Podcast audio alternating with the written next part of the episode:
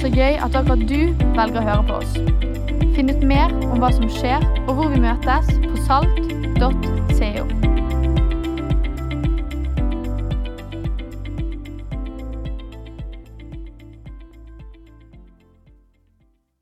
Hei! Går det bra med deg? Du, ti år siden Substans. Vet du hva som skjedde den, den gangen? Meg og Øystein hadde vært på Substans-åpningen. Og akkurat i den eh, anledning så hadde faktisk også Øystein kjøpt meg en ny sykkel. Og Vi hadde ikke testet den ut, så etter vi var på Substanssamlingen, så tok vi oss en sykkeltur. Og Det var også den kvelden jeg brakk begge armene. Det er helt sant. Her og her. Jeg skal ikke gå inn på hva du ikke kan gjøre når du ikke har armer. Og min, eh, min eh, spesielt yngste sønn han har enda traumer fra den tiden. Når han måtte hjelpe meg med både det ene og det andre. Så det er godt at det er ti år siden. altså. Men ti år går veldig fort. Veldig bra. Jeg eh, er så glad for at jeg skal få dele noe med deg som jeg opplever Gud har lagt på mitt hjerte. Jeg skal snakke om det å få en ny start. Og eh, vi skal snakke om kraften i tilgivelse. Og Det var også ganske beleilig, for eh, denne helgen har jo vært en sånn helg som har vært sånn, ganske sånn Ja, det har vært litt kaotisk for min del. da. Og Iblant er det godt å kunne legge ting bak seg som har vært. Det som skjedde, det er at Jeg er så heldig å få være med i styret i Blå Kors. Utrolig bra. Så Jeg skulle reise til Oslo, gjorde min egen bestilling av billettene. og når jeg kom til, til, eh, til Flesland og skulle sjekke inn, så, funket det liksom ikke. Hva det som skjer her? Og Så viste det seg at jeg har bestilt billett fra Oslo til Bergen. Til Oslo. Altså Nei, Det var utrolig fortvilende. Så i stresset Jeg ringer til Øystein og jeg måtte jo kjøpe nye billetter. sant? Har du gjort det der noen gang? Altså, bare, Det er feil destinasjon. Hva er problemet? Og i kaoset så klarer jeg ok, jeg må bare finne noen nye billetter. Og det var jo ingen billetter, så jeg bestiller nye billetter med Norwegian. Og det går jo greit. Jeg kommer til Oslo, og når jeg skulle dra tilbake til Bergen i går kveld, så skjer det en gang til. Altså, Jeg skal logge meg inn der på, på Gardermoen, og så, og så står det liksom dette var en billett fra i går. Så da hadde jeg altså da, i kaoset av å ha bestilt feil billett, igjen bestilt en ny feil billett. Så det endte med at jeg først kom til Bergen i dag morges. Og det ble ganske dyrt. Og da sa Øystein til meg Gina, altså Jeg var jo ganske fortvila. Altså, det er jo så irriterende penger. Og jeg tenker, Gud, altså, er det så vanskelig? Men Øystein sa vet du hva, du må bare legge det bak deg. Og så tenker jeg iblant at det der å legge bak seg ting som er litt krevende Akkurat det der å miste noen tusenlapper på sånn ombooking, det er ikke det verste i verden. Men iblant så kan vi oppleve ting som vi rett og slett trenger å velge å legge bak oss. Og som vi velger å se at Gud kan gi oss en ny start. Så det er bare å si til meg sjøl nå. Nå har jeg lagt det bak meg, jeg har glemt det. Det var en kar fra Evangeliesenteret som eh, også snakket noe om dette. Han stilte seg opp. Han var så takknemlig fordi at Gud hadde gitt han en ny start. Han hadde blitt fri fra rus. Og når han står der og får mikrofonen og skulle si noen ord, så sier han med begeistring Han var ikke så veldig befaren i, i Bibelen, så han sier det at ja, jeg må bare lese noe fra Bibelen, sier han. Og der står det at du skal få en ny dag i morgen, som ren og ubrukt står, med blanke ark og fargestifter til. Han bommet litt på forfatteren. Det var ikke Bibelen med Alf Prøysen. Men budskapet var likevel det samme. Gud er en Gud som gir oss nye sjanser. Som kommer med de der rene arkene og sier at vet du hva, du kan legge det bak deg, og så kan du begynne på en ny reise. For Gud er den som gir oss nye sjanser. Jeg var rundt 13 år gammel. Jeg hadde en eh, venninne i Øygarden jeg var på besøk hos. Og det kommer så at når Jeg var 13 år, jeg har alltid vært litt sånn småforfengelig. Så det var kanskje en god grunn til at min mor sa det at nei, du, du trenger ikke alle de moteklærne. Og forresten har ikke vi råd til det heller, men du skal være trygg i deg selv. Du trenger ikke den levesbuksen eller alt det der som var moderne. Så jeg ble opplært til å være trygg i meg selv, selv om jeg ikke fikk alt det som de andre fikk. Vet ikke noen, noen som har det sånn. Kanskje ikke i dag. I hvert fall ikke min bror. Han som synger her. Han fikk alt hele veien. Og han var 14 år yngre enn meg. Men i alle fall, denne gangen i Øygarden så var jeg hos en venninne som hadde fått seg verdens fineste lyserosa collegegenser. Og det var jo en, akkurat en sånn en. som både var liksom noe av den Altså Det var så populært, og jeg hadde så lyst på den. Så når jeg skulle dra fra henne, så tenkte jeg Jeg kan bare late som jeg liksom bare falt ned i min veske eller min bag. Og så tenker jeg jeg kan bare låne den litt. Så det som jeg gjorde da, det var faktisk det. Det at jeg tok med meg genseren til denne venninnen. Og på vei hjem fra Øygarden så kjente jeg allerede at det begynte å være litt sånn dårlig følelse i magen. Men jeg gledet meg likevel litt til å ta den på meg på skolen dagen etter. Men jeg kom dagen på skolen med den nye, fine rosa genseren til min venninne som jeg har tatt. Så begynte en sånn dårlig følelse i magen. tenkte jeg, dette var ikke rett. Og så bare liksom ble det verre og verre. Så det var jo ikke noe kjekt å gå med den genseren. Og så hang den i skapet, det var akkurat som den vokste og ropte til meg. Hvis jeg åpnet, liksom, så så jeg ham bare der. Og det var som han ropte til meg. 'Du er en tyv.' Jeg var 13 år, jeg var en kristen jente. Hva er det jeg holder på med? Og så opplevde jeg at Gud sa til meg, 'Gina, det der er du nødt til å bare ta tak i.' Du er nødt til å si til henne at du faktisk har tatt den genseren, og så må du be om unnskyldning. Og jeg bare tenkte nei, det, går, det er helt krise. Jeg kan ikke Jeg er liksom et forbilde. En flott kristen jente. Kan jeg si at jeg har gjort noe sånt? Men jeg strøk collegegenseren så fint jeg kunne.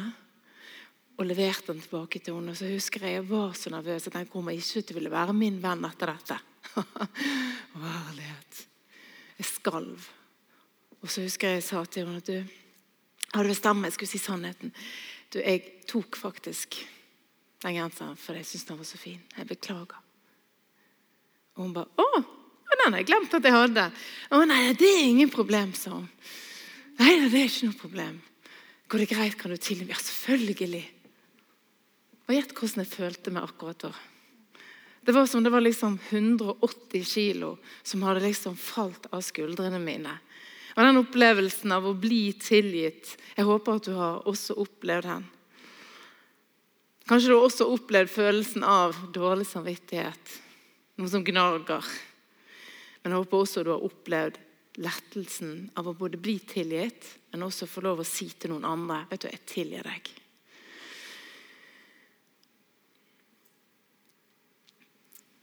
Hva gjør det med oss å bli tilgitt? Det er det er jo som å føle at man blir 100 kg lettere. er ikke det? Når vi har tatt dårlige valg og vite det at vet du hva, jeg kan begynne med nye ark, jeg kan begynne på nytt. Men vet du, det er veldig mange som går rundt med dårlig samvittighet kanskje et helt liv. Som bærer med seg både forkastelse, fordømmelse, både mot seg selv og mot andre. Som skaper bindinger og som gjør ting med oss som ikke Gud hadde tenkt. Jeg fortjener ikke å bli lykkelig, jeg fortjener ikke å bli elsket. De skulle bare visst hva jeg har gjort. De skulle bare visst hvilke tanker jeg egentlig har. Gud kan ikke elske meg. Og så kan vi bære på disse tankene, og spesielt denne utilgivelsen til oss sjøl. Hvorfor tok jeg de valgene den gangen? Ja, jeg kommer sikkert til å bli straffet for det i evighet. Jeg vet ikke om du har vært der, men Kanskje det er bare de små tingene som vi bare også tar med oss i hverdagen. som Vi breider oss sjøl. Sånn, er det mulig å ikke følge med når jeg skal gjøre ombooke en billett? Gjøre en feil to ganger. Altså, Det kan jo plage livet av meg. ikke sant? Det kan være de små tingene, eller det kan være de bebreidelsene du gjør for andre. Bare, er det mulig? Er de helt Erna Solberg hun sa noe om tilgivelse. Og Det er ikke så ofte jeg siterer henne i Salt, men det har jeg lyst til å gjøre. da, for Hun sier noe om tilgivelse. Hun var faktisk også her i Salt og sa også noe om tilgivelse. Men jeg leste dette her. Erna sa det at tilgivelse er viktig for å kunne bli ferdig med ting og gå videre som samfunn. I kristendommen er nåde Guds tilgivende kjærlighet. Det er for meg personlig noe veldig vakkert. Fordi den gir oss mulighet til å bli tilgitt og elsket av Gud på tross av vår feilbarhet som menneske. Tilgivelsens kraft løser mennesker og setter oss fri. Altså, jeg tror det var statsministeren som sa dette. Det er, det er jo flott at hun kan sette ord på kanskje det som er virkelig kjernen i det kristne budskapet. Å tilgi det betyr å starte på nytt. Det, det handler om å bli benådet, utslette gjeld. Og det sier også noe om det som er kjernen i det som Jesus gjorde Tilgivelse får vi ikke fordi vi kanskje fortjener det, og fordi vi liksom ja, har gjort noe som som gjør at vi burde bli tilgitt. Nei, det er noe som skjer helt ufortjent. Tenk om vi bare, ikke, bare hørte at Gud sa at du er tilgitt, men virkelig forsto hva det kan bety i livet vårt.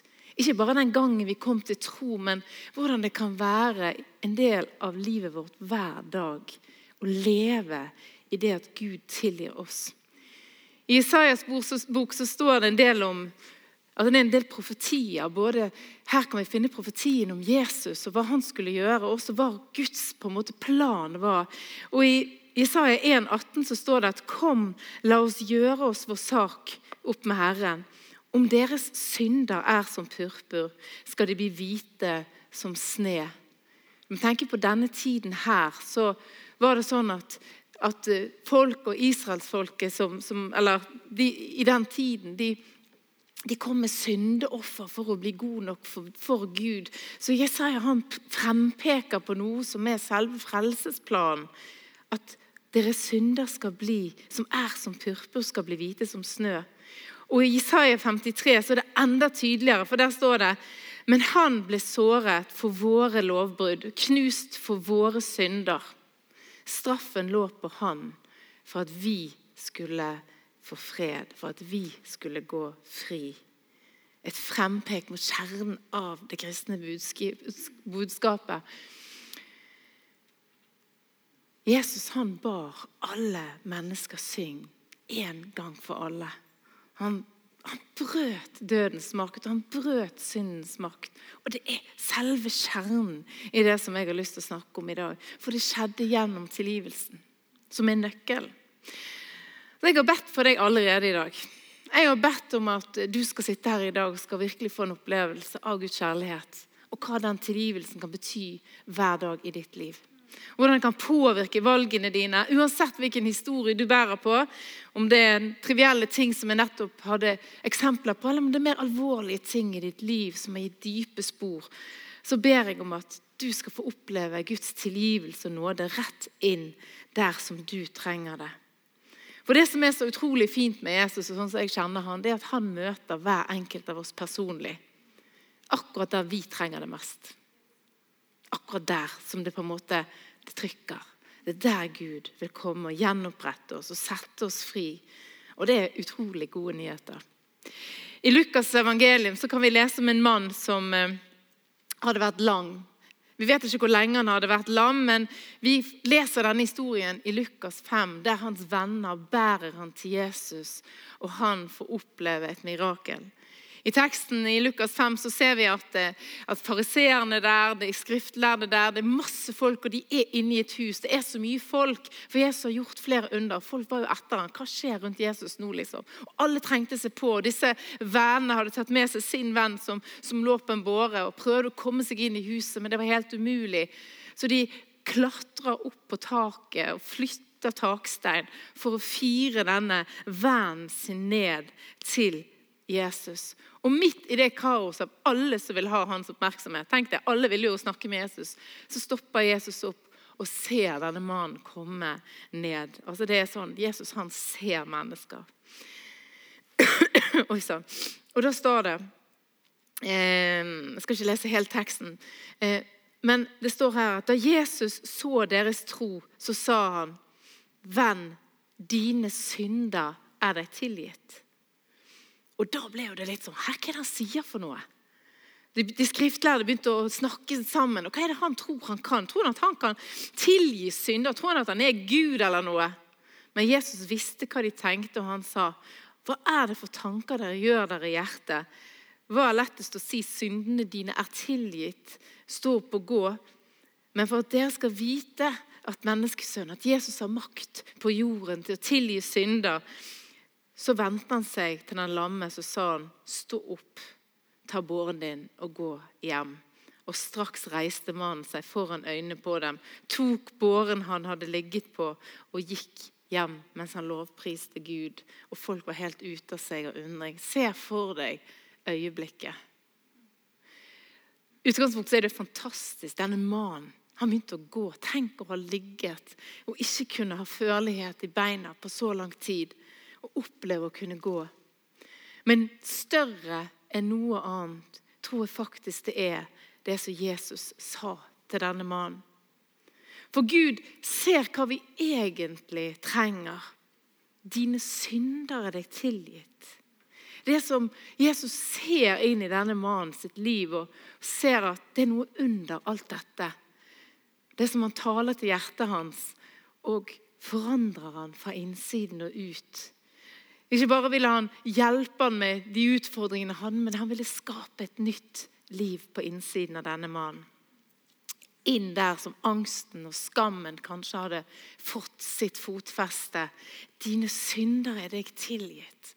Tenk at Jesus ser på deg, ser på denne mannen. Dine synder er deg tilgitt.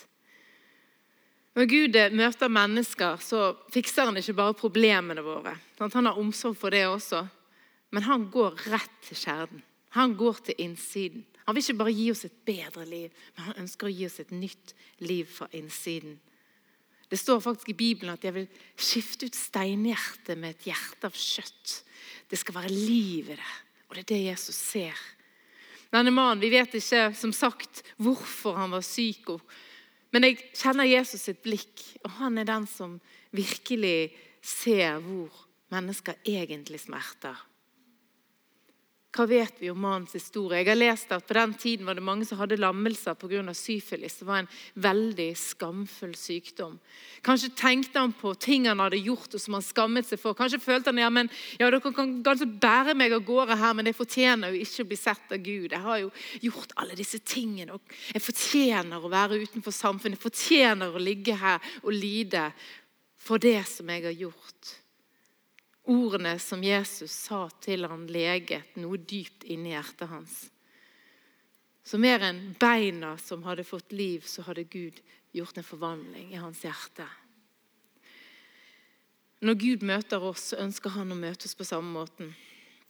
Og Vi kan jo godt komme til Gud med alt. Ja, Gud, jeg trenger gode karakterer, jeg trenger en bra ny jobb, jeg trenger litt mer penger så jeg kan kjøpe de kule klærne. Gud, jeg trenger noen bedre venner, jeg trenger kanskje hjelp med konflikt. Altså, Alt dette har Gud omsorg for. Men Gud, han ser også forbi det og vil faktisk jobbe med det som ligger i vårt hjerte. Men hva er det vi trenger tilgivelse, da? Hva er egentlig problemet? I Romerbrevet så står det litt om det, og synden. når Vi synger ofte om det. så tenker jeg, jeg lurer på, Forstår folk hva betyr synd? Liksom, det Ofte så tenker jeg ja, det å gjøre og lyge og gjøre feil ting. Men synden er så mye mer definert som det som skiller oss fra Gud. Det er det i oss som sånn Vi alle fikk en fri vilje, men valgte å gå en annen vei. Det er det at vi valgte å, å, å ja, valgte å, å, ha en annen herre enn Gud i livet. I... Um, i Romane 23 så står det sånn at for det er ingen forskjell. For alle har vi syndet og mangler Guds herlighet. I Romane 5, 12 så står det at synd kom inn i verden pga. ett menneske. Sant? Adam og det som skjedde der. Og med synden kom døden. Og slik rammet døden alle mennesker fordi alle har syndet. Vi alle skal dø. Det betyr at vi alle bærer den synden. Og vi har et problem. Men det er derfor også vi snakker om Jesus. Ikke bare det at å, det er fint å tro på Gud, men faktisk det er Jesus som representerer det at han tilga denne synden. Han tok offeret som vi den, på en måte den straffen som vi mennesker skulle ha. Fordi vi alle var syndere. Og så ga Jesus sitt liv. I Efeserne 1, 7 så står det i ham har vi friheten. Hvem vil ha frihet? I ham har vi friheten, den ekte friheten. Kjøpt med hans blod. Den har kostet veldig dyrt. Tilgivelse for syndene. Så rik er Guds nåde. Hvorfor måtte Jesus egentlig dø? Det var et spørsmål vi jobbet med når meg og Siri skrev denne boken. Hvis du ikke har lest den, må du gjerne lese den. Bro til tro. En av de tingene vi, vi diskuterte inni her, det var den der Men hvorfor måtte Jesus egentlig dø? Hvorfor måtte Jesus egentlig dø? Altså det, Kunne ikke han bare ha gjort noe annet? på en måte? Det var så groteskt.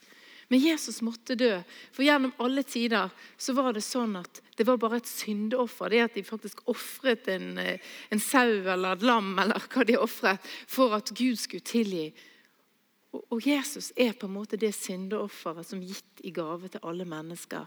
så at menneskene skulle slippe å gå den veien av å ofre og prøve å være god nok for Gud på alle mulige vis.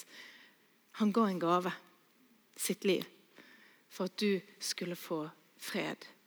Og Det er utrolig fantastisk. Det er det som er kjernen av evangeliet. Det må ikke vi glemme å snakke om. Av og til så blir det å være kristen det blir liksom det fine livet, og alt blir så bra. Men vet du hva? Det Gud det, det budskapet handler om, det er at Gud setter oss fri på innsiden. Dine synder er deg tilgitt. Så slipp ditt eget krav og strev med å være god nok for Gud. Velg heller å ta imot det som Gud har gjort for deg. Det at vi slipper inn, inn på de, kanskje de mørkeste områdene i livet, der utfordringene vi har som vi helst ikke vil dele med noen. Hvis vi tar Guds tilgivende kraft, tilgivende kraft inn i vårt liv, så kan vi få endring og frihet. Så det handler ikke om at vi skal leve et bedre liv og gjøre rett. Og, ja, liksom. Det handler om at vi inviterer Guds kraft inn og lever i tilgivelsens kraft hver dag for det som vi ikke trekker strekker til med. Og så er det det at når vi faktisk gjør det, så gjør Gud også noe med klimaet i vårt hjerte. Vi får et annet utgangspunkt. For det, det å ha et liv med Gud det handler ikke om liksom å prestere eller liksom få noe til, men det handler om å ta imot. Jeg skrev her at Det handler ikke om hvor perfekt du lever livet ditt, men hvor langt Guds tilgivelse har fått trenge inn. I hvilken grad det har virkelig gått opp for deg. At det er noe du kan leve i. Og Da kan vi vende oss bort fra det der som skjedde, og som var vanskelig, med Guds kraft. Og så kan vi gå videre. Og da får vi også Det er jo ikke sånn at det er bare straight line liksom, og alt bra. Det er en kamp. Men i det så kan vi være ganske ærlige. Og så kan vi si til Gud Gud, der ser du meg igjen. Herlighet. Åh, ikke bare én gang klarte jeg å bestille feil på billetten, men to! Jeg er håpløs! Jeg ringer til Øystein. Det er ikke mulig! Så det er helt utrolig. Og kanskje opplever de, og igjen kjeftet jeg på ungene. Igjen så ble jeg sur på romkameraten min. Igjen så gjorde jeg det der som jeg ikke skulle. Bare si det til Gud. Se på meg! This is it! Men hjelp meg. Kom og gi meg styrke til å stå i det. Og det er jo det som det handler om. Jeg møtte en, en, en jente som sa det at åh, nei, jeg har bare gitt opp hele de kristne greiene. For det, altså, jeg orket ikke gå rundt med dårlig samvittighet hele tiden. Det var liksom alltid noe jeg hadde gjort galt. Og da tenker jeg, jeg håper virkelig ikke du kjenner deg igjen. For da har man misforstått hele kjernen i det vi holder på med. Det at tilgivelsens vei er en del av vårt liv, som gjør at når vi faller, så kan vi reise oss opp igjen. Og så kan vi si 'Gud, tilgi meg'. Tilgi meg. Men vi må velge å gjøre det. I, Rom, i Johannes 1, 8-9 så står det Sier vi at vi ikke har synd, da bedrar vi oss selv, og sannheten er ikke i oss. Mange sier ja, men det er jo menneskelig. Alle mennesker herlighet. Vi er mennesker. Sier du at du ikke har synd, så bedrar vi oss selv. Det er akkurat som du, altså, du kan si at du ikke har det, men hvis du har en sykdom, så er den der, og den må behandles.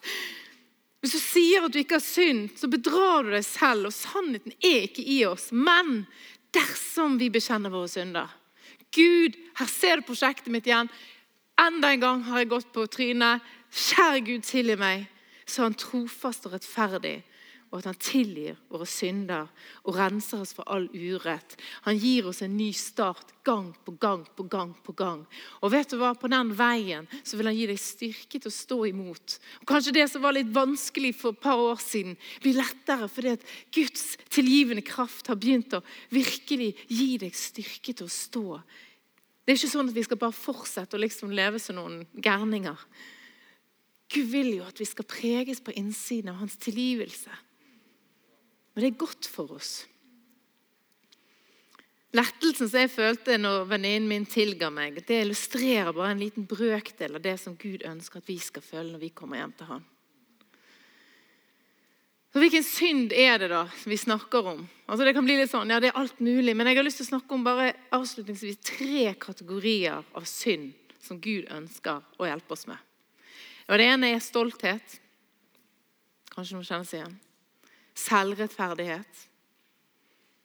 prøver å liksom få dette godt til av meg selv.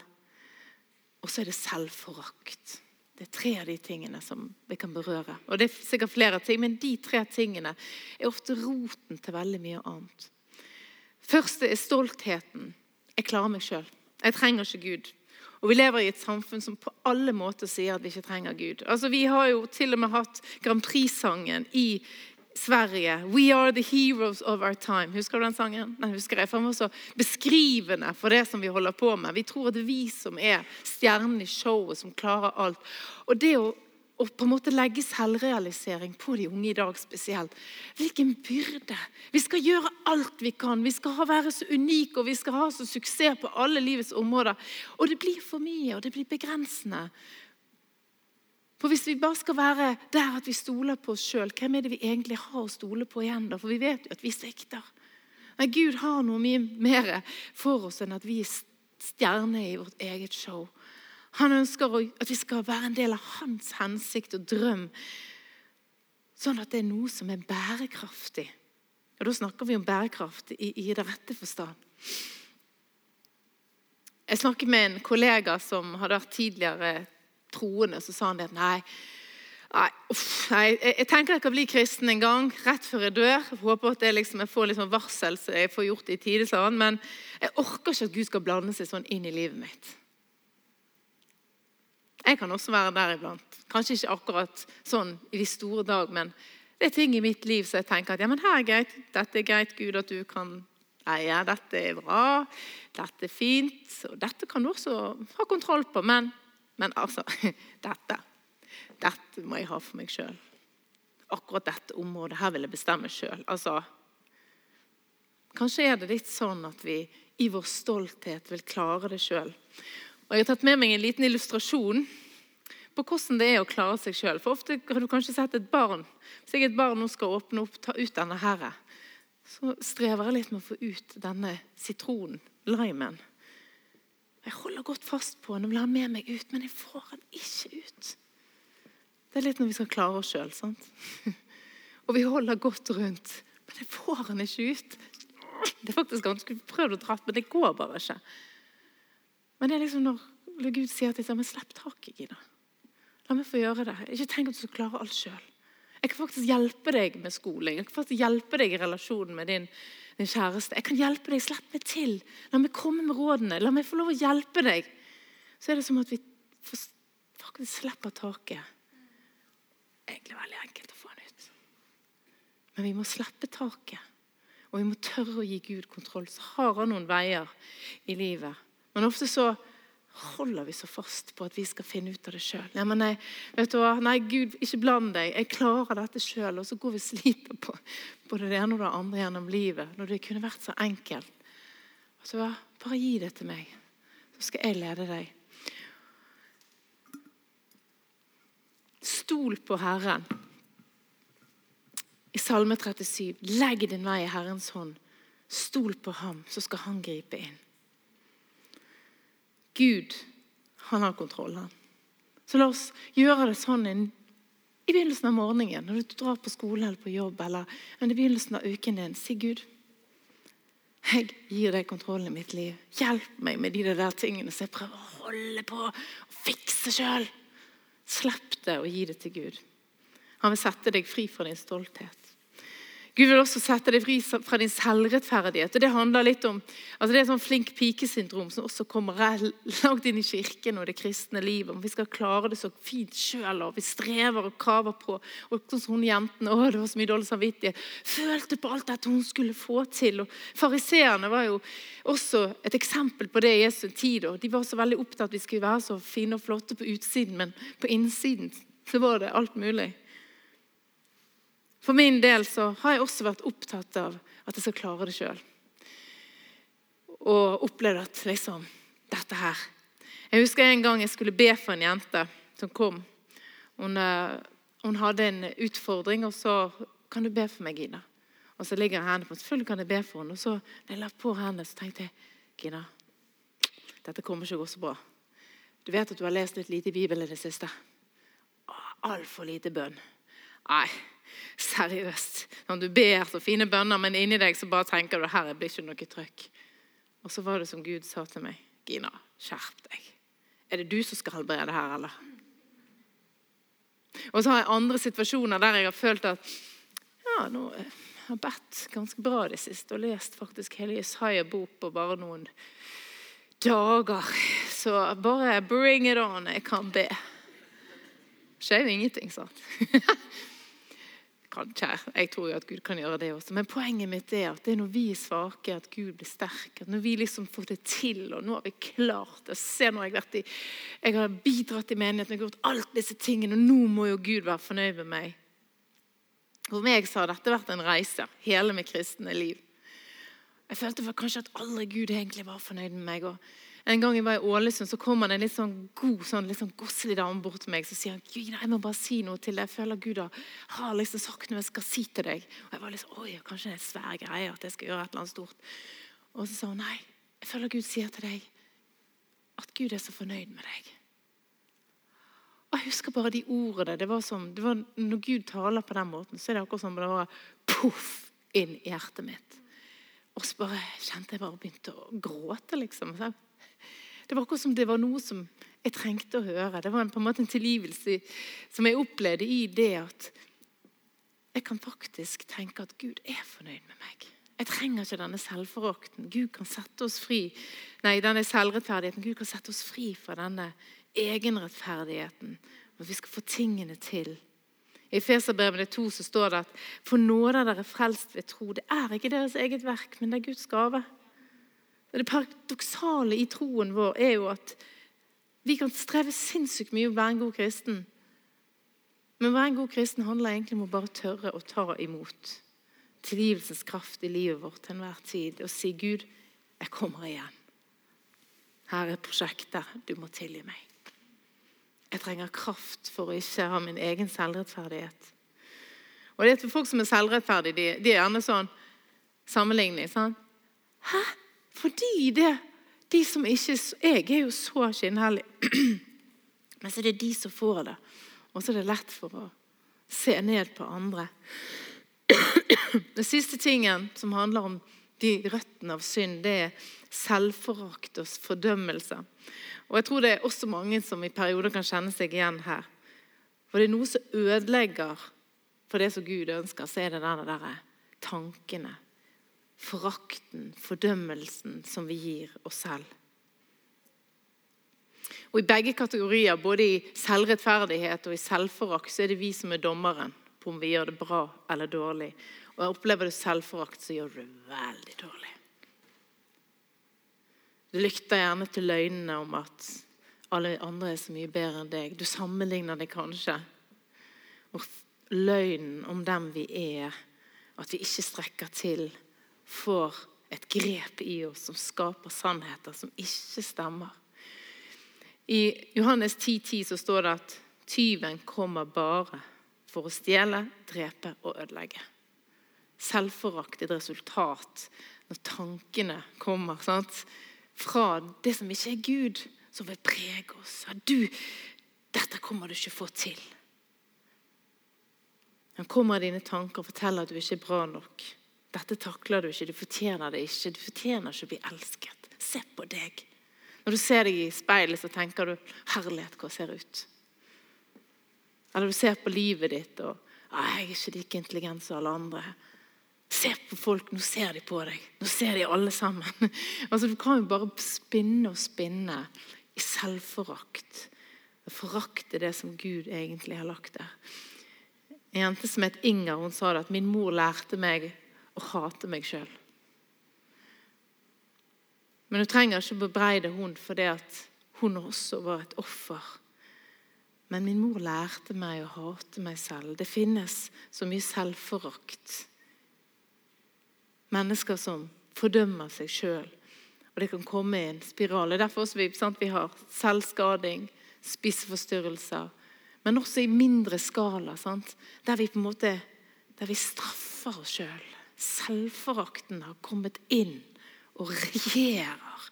Men Gud vil sette oss fri fra selvforakt. En jente kom og ba om forbønn og sa du, jeg har hatt problemer med rus. Tror du at Gud kan tilgi meg? Selvfølgelig kan han tilgi deg, men kan du tilgi deg sjøl? Kan du ta imot Guds tilgivelse? Og Ofte der er jo utfordringen. Sant? At det å virkelig tørre å ta imot og tilgi seg selv er det som kan være utfordrende. Vi kan bære på utilgivelse så at vi blir syke. Utilgivelse til oss sjøl eller til andre. Men Gud ønsker å sette oss fri fra dette. Disse tingene. Stoltheten, egenrettferdigheten. Jeg skal få det til sjøl. Jeg må være god nok for Gud. og Sette meg i dømmersetet om jeg er bra eller ikke. Selvforakten. Gud vil komme inn der med sin tilgivelse. Komme rett til roten av problemet og sette deg fri. Og Da er det sånn inside out experience. At uh, Han kan gjøre veldig mye bra i livet ditt, men han får komme inn akkurat i disse, disse rommene her, så du helst ikke vil invitere han inn, kanskje. Og Husk at det er en stadig prosess, der du må bare fortsette å være i ærligheten og invitere han inn. Og så står det det at som Herren har tilgitt dere, skal dere tilgi hverandre. Og det er jo det, det at det er herlig når den frigjørende kraften finnes i oss, så vi også få kraft til å tilgi andre. For det at vi har utilgivelse mot andre, det, det skader bare oss selv. Men på denne veien der vi kan velge Gud, vær, lev i tilgivelse, så tror jeg at Gud også kan gi deg kraft til å tilgi det mest utilgivelige som du står i. Mennesker som har såret deg. Og ikke minst det å våge å tilgi seg sjøl. Så hvis dere reiser dere opp, så har jeg bare lyst til å avslutte med egentlig det. En utfordring til dere alle. Til å våge å ta imot Guds kjærlighet gjennom at han tilgir. Det er det som er hele frelsesplanen. At det kommer inn forbi alt det synlige inn til ditt hjerte, og så setter jeg deg fri. Og så får du et utgangspunkt som gir deg kraft til å leve et liv i frihet. Til frihet har jeg frigjort deg. Jeg takker deg, Herre, for det. Bare takker deg i dette rommet, Gud, at du kommer. Herre, du ser at dette her er kjernen i budskapet av det du vil. Det handler ikke om å prøve å være god nok for deg, prøve å få til alt, Herre. og liksom men det handler om at vi inviterer deg inn, at vi slipper taket, så at du, Herre, får din vei i vårt liv. Herre, hjelp oss. Kom inn på de, ja, de rommene i livet vårt som vi egentlig ikke har lyst til at du skal komme. Og gjør bare det du kan, Herre. La oss bare nå stå innenfor deg, Herre Jesus, og ta imot din tilgivelse og gi oss kraft til å tilgi. La oss bare ta og synge litt sammen.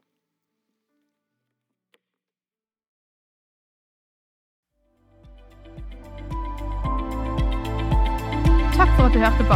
Håper vi snakkes enten her eller i kirken neste søndag. Ha en nydelig uke.